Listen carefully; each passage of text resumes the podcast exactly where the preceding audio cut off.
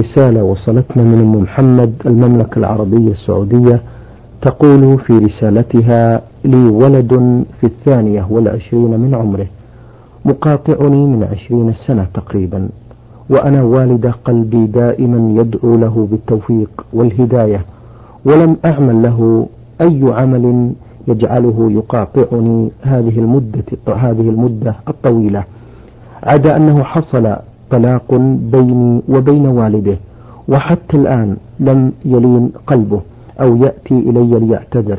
فضيلة الشيخ هل يجب علي أن أدعو له أم لا؟ لأن قلبي لا يتحمل أن أدعو عليه. وما حكم هذا عمله هذا؟ بارك الله فيكم. الحمد لله رب العالمين وأصلي وأسلم على نبينا محمد وعلى آله وأصحابه أجمعين. هذا الولد الذي انفصل عنك مع أبيه منذ عشرين سنة وكان لا يهتم بك ولا يزورك ولا يصلك. قد أتى أمرا عظيما من المنكر وذلك لأنه أخل بالبر الذي أمر الله به.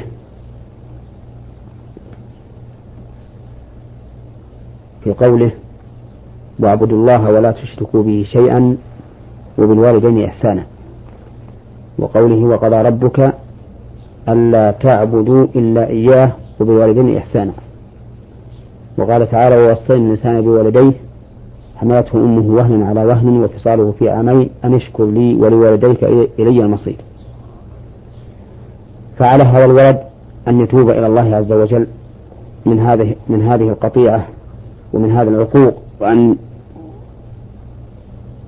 يرجع إلى رشده ويقوم بواجب الإحسان وواجب البر. وإلا فإنه على خطر عظيم والعياذ بالله. أما بالنسبة لك أنت فأنت مشكورة على ما تقومين به من الدعاء له. وأنت على خير.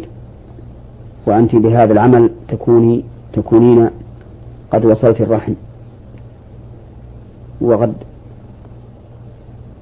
التزم الله عز وجل للرحم أن يصل من وصلها وأن يقطع من قطعها. فأنت استمري في الدعاء له فأنت استمري في الدعاء له ولعل الله سبحانه وتعالى أن يهديه بدعائك له. أما نصيحتي لهذا الرجل أو لهذا الابن فأن يقلع عن عقوقه وقطيعته وأن يتجه إلى البر والإحسان إليك والشكر لك على ما قدمت له وإذا تاب تاب الله عليه. هذه رسالة من أحمد محمد أحمد مصر العربية.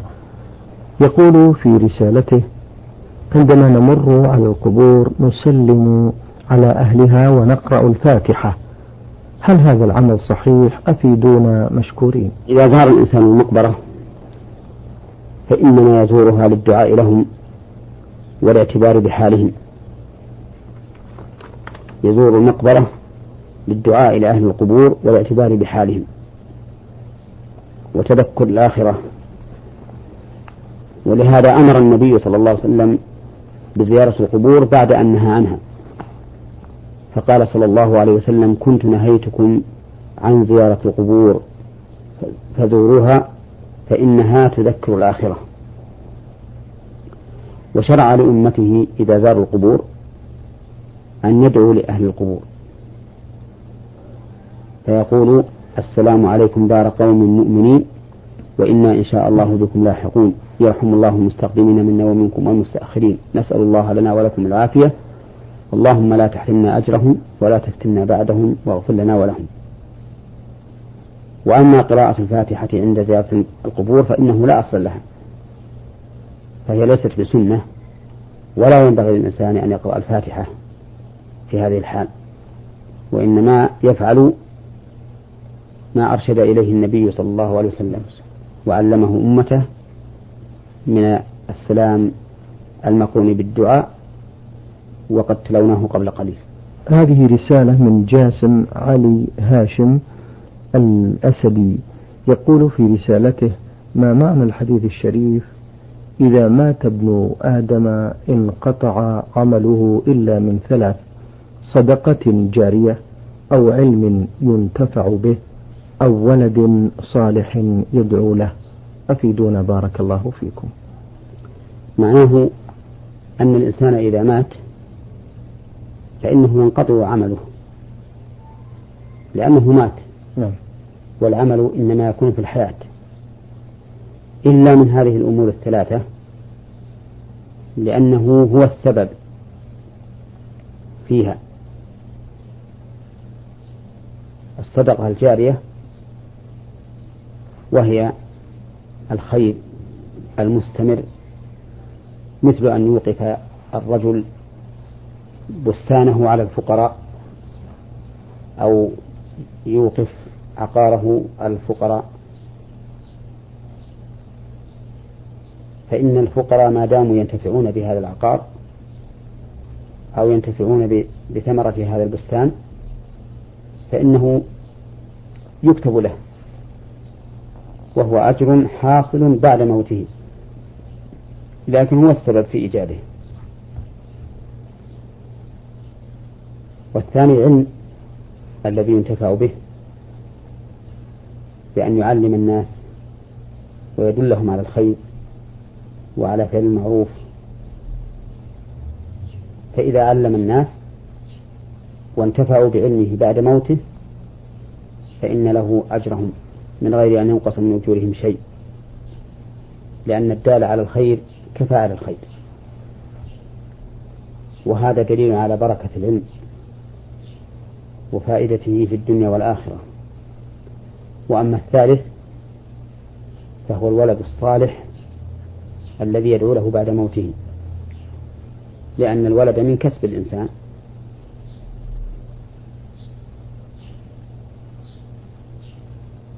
وقال عليه الصلاة والسلام في الحديث أو ولد صالح يدعو له لأن غير الصالح لا يهتم بنفسه فلا يهتم بأبيه. أو أمه. وفيه إشارة إلى أنه من المهم جدا أن يربي الإنسان أولاده تربية صالحة حتى ينفعوه في حياته وبعد مماته. وفي قوله صلى الله عليه وسلم أو ولد صالح يدعو له إشارة إلى أن الدعاء للأب أو لغيره من الأقارب أفضل من أن يقوم الإنسان بعبادة يتعبد لله بها ويجعل ثوابها لهم لأن النبي عليه الصلاة والسلام لم يقل أو ولد صالح يصلي له أو يصوم له أو يتصدق له مع أن سياق الحديث في العمل انقطع عمله إلا من ثلاث. فلو كان عمل الإنسان لأبيه بعد موته مما يندب إليه لبينه النبي صلى الله عليه وسلم. فإذا يكون الدعاء يكون دعاء الإنسان لوالديه أفضل من أن يسبح أو يقرأ أو يصلي أو يتصدق ويجعل ثواب ذلك لهم. والإنسان محتاج إلى العمل الصالح. فليجعل العمل الصالح لنفسه وليدعو لوالديه بما يحب.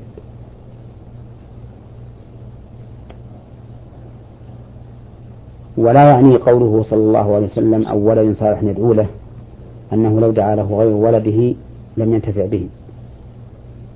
بل دعاء أخيك المسلم نافع لك ولو كان ليس قريبا لك. قال الله تعالى والذين جاءوا من بعدهم يقولون ربنا اغفر لنا ولإخواننا الذين سبقونا بالإيمان ولا تجعل في قلوبنا غلا للذين آمنوا ربنا إنك رؤوف رحيم. فوصف الله هؤلاء الأخيار بأنهم يدعون لأنفسهم ولإخوانهم الذين سبقوهم بالإيمان وهذا يشمل إخوانهم الأحياء والأموات. وقال النبي عليه الصلاة والسلام ما من ميت يموت أو ما من مسلم يموت فيقوم على جنازته أربعون رجلا لا يشركون بالله شيئا إلا شفعهم الله فيه. بين النبي عليه الصلاة والسلام أن الميت ينتفع بدعاء المصلين عليه. فيكون قوله صلى الله عليه وسلم في الحديث أو ولد صالح يدعو له. مبنيا على أن الولد الصالح الذي هو بضعة منه كأنه هو كأنه هو نفسه. ولهذا قال انقطع عمله إلا من ثلاث فجعل دعاء الولد لأبيه من عمل الأب. وقد ذهب وقد استدل بعض الناس بهذا الحديث على أنه لا يجوز إهداء القرب للأموات. قالوا لأن النبي صلى الله عليه وسلم قال انقطع عمله إلا من ثلاث. ولكن في الاستدلال هذا نظرا. لأن النبي عليه الصلاة والسلام قال انقطع عمله ولم يقل انقطع العمل له. فلو أن أحدا من الناس غير الأب غير الابن أهدى ثواب قربة إلى أحد من المسلمين فإن ذلك ينفعه.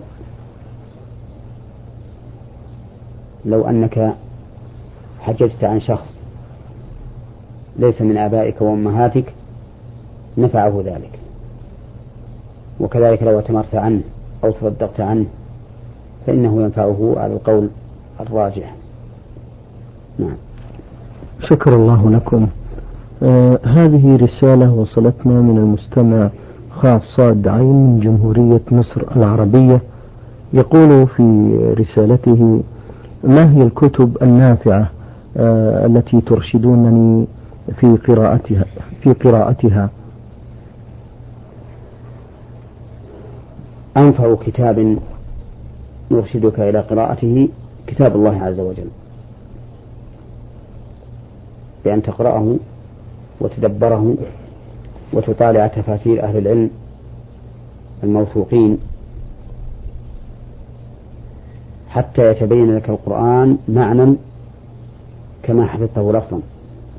ولهذا كان الصحابة رضي الله عنهم لا يتجاوزون عشر آيات حتى يتعلموها وما فيها من العلم والعمل. يتعلموا القرآن والعلم والعمل جميعا رضي الله عنهم. ثم بعد ذلك ما صح من سنة النبي صلى الله عليه وسلم. والكتب المصنفة في الأحاديث الصحيحة كثيرة كصحيحي البخاري ومسلم وما نقل منهما. ثم ما كتبه أهل العلم الموثوق بهم ونعين منهم شيخ الإسلام ابن تيمية رحمه الله وتلميذه ابن القيم فإن كتبهما نافعة جدا لطالب العلم وكم انتفعنا وغيرنا بها انتفاعا كثيرا لأنها مبنية على الدليل الأثري والنظري فتفيد الإنسان فائدة كبيرة. وإذا كنت في بلد فشاور أهل العلم الموثوق الموثوق بهم فشاور أهل العلم الموثوق بهم عما يرون من الكتب التي ينصحونك بقراءتها. لكن هذا ما نراه. والله أعلم. أيضا يسأل ويقول ما هي كفارة القتل العمد والقتل غير العمد؟ أرجو أن تفيدوني في ذلك. بارك الله فيكم. أما القتل العمد فليس فيه كفارة. نعم. لأنه أعظم من أن يبرأ الإنسان منه بالكفارة. وليس فيه إلا قول الله عز وجل ومن يقتل مؤمنا متعمدا فجزاؤه جهنم خالدا فيها وغضب الله عليه ولعنه وأعد له عذابا عظيما. والكفارة إنما هي في قتل الخطأ.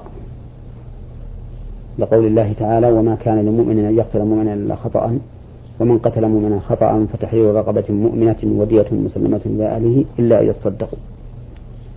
إلى أن قال فمن لم يجد فصيام شهرين متتابعين توبة من الله وكان الله عليما حكيما. فكفارة القتل خطأ أن يصوم القاتل شهرين متتابعين. لا يفطر بينهما إلا لعذر شرعي. فإن أفطر ولو يوما واحدا بغير عذر شرعي وجب عليه إعادة الشهرين. لأن الله تعالى اشترط فيهما التتابع. فإن لم يستطع الصيام فلا شيء عليه. لقول الله تعالى فاتقوا الله ما استطعتم وقوله لا يكلف الله نفسا إلا وسعها. ومن القواعد المقررة عند أهل العلم أنه لا واجب مع العدل. وإنما قلنا إنه إذا كان عاجزا على الصوم فلا شيء عليه لأن الله تعالى لم يذكر هذه المرتبة في كفارة القتل وإنما ذكر مرتبتين فقط هما عتق رقبة أو صيام شهرين متتابعين.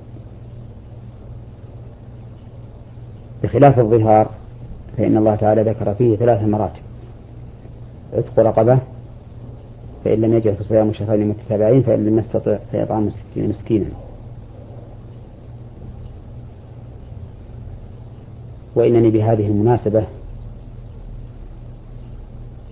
أحذر إخواننا الذين يقودون السيارات من التهور والقيادة وعدم المبالاة فتجده يخالف ما يعرفه من أنظمة المرور ولا يراعي في ذلك ولا يهتم تجده يكون مسرعا في الأسواق داخل البلد ويقف بدون إشارة للوقوف وينحرف يمينا أو يسارا بدون إشارة إلى أنه سينحرف مما يوجب الخطر عليه وعلى غيره. وليعلم أن الكفارة لا تسقط إذا عفى أولياء المقتول عن الدية. كما يظنه بعض العامة وذلك لأن الكفارة حق لله والدية حق للآدمي. فإذا أسقط الآدمي حقه فإنه لا يملك إسقاط حق الله تبارك وتعالى فتبقى الكفارة عليه. والكفارة تتعدد بتعدد المقتولين. فلو جنى على شخصين فمات لزمه أن يصوم أربعة أشهر. كل شهرين متتابعين. وإن كانوا وإن جنى على ثلاثة لزمه أن يصوم ستة أشهر. وهكذا لكل نفس شهران متتابعان. نعم. آه هذه رسالة رسالة وصلتنا من المستمع عبد الحميد البربري مصري ومقيم في الرياض. يقول في رسالته آه هل المسيحي يعد في عداد الكفرة؟ هل؟ هل المسيحي نعم. يعد في عداد الكفرة علما بأنه من أهل الكتاب؟ ومن هم أهل الكتاب؟ أفيدونا بارك الله فيكم. أهل الكتاب هم اليهود والنصارى الذين تسموا بالمسيحيين. هؤلاء هم أهل الكتاب. وإنما سموا أهل الكتاب لأن الله تعالى أنزل كتبا على رسلهم. فأنزل على موسى عليه الصلاة والسلام أنزل عليه التوراة التي يدين, يدين بها اليهود. وأنزل على عيسى عليه الصلاة والسلام التوراة الإنجيل وأنزل على عيسى عليه الصلاة والسلام الإنجيل الذي يدين به النصارى. والذين يسمون أنفسهم الآن بالمسيحيين. ودين اليهود منسوخ بدين بدين بدين النصارى. أي أنه يجب على اليهود أن يتبعوا النصارى في دينهم حين كان دين النصارى قائما. ودين النصارى وغيره من الأديان نسخ بدين الإسلام الذي بعث به النبي صلى الله عليه وسلم. فكان دين الإسلام ناسخا لجميع الأديان. فلا دين مقبول عند الله إلا الإسلام. قال الله تعالى إن الدين عند الله الإسلام.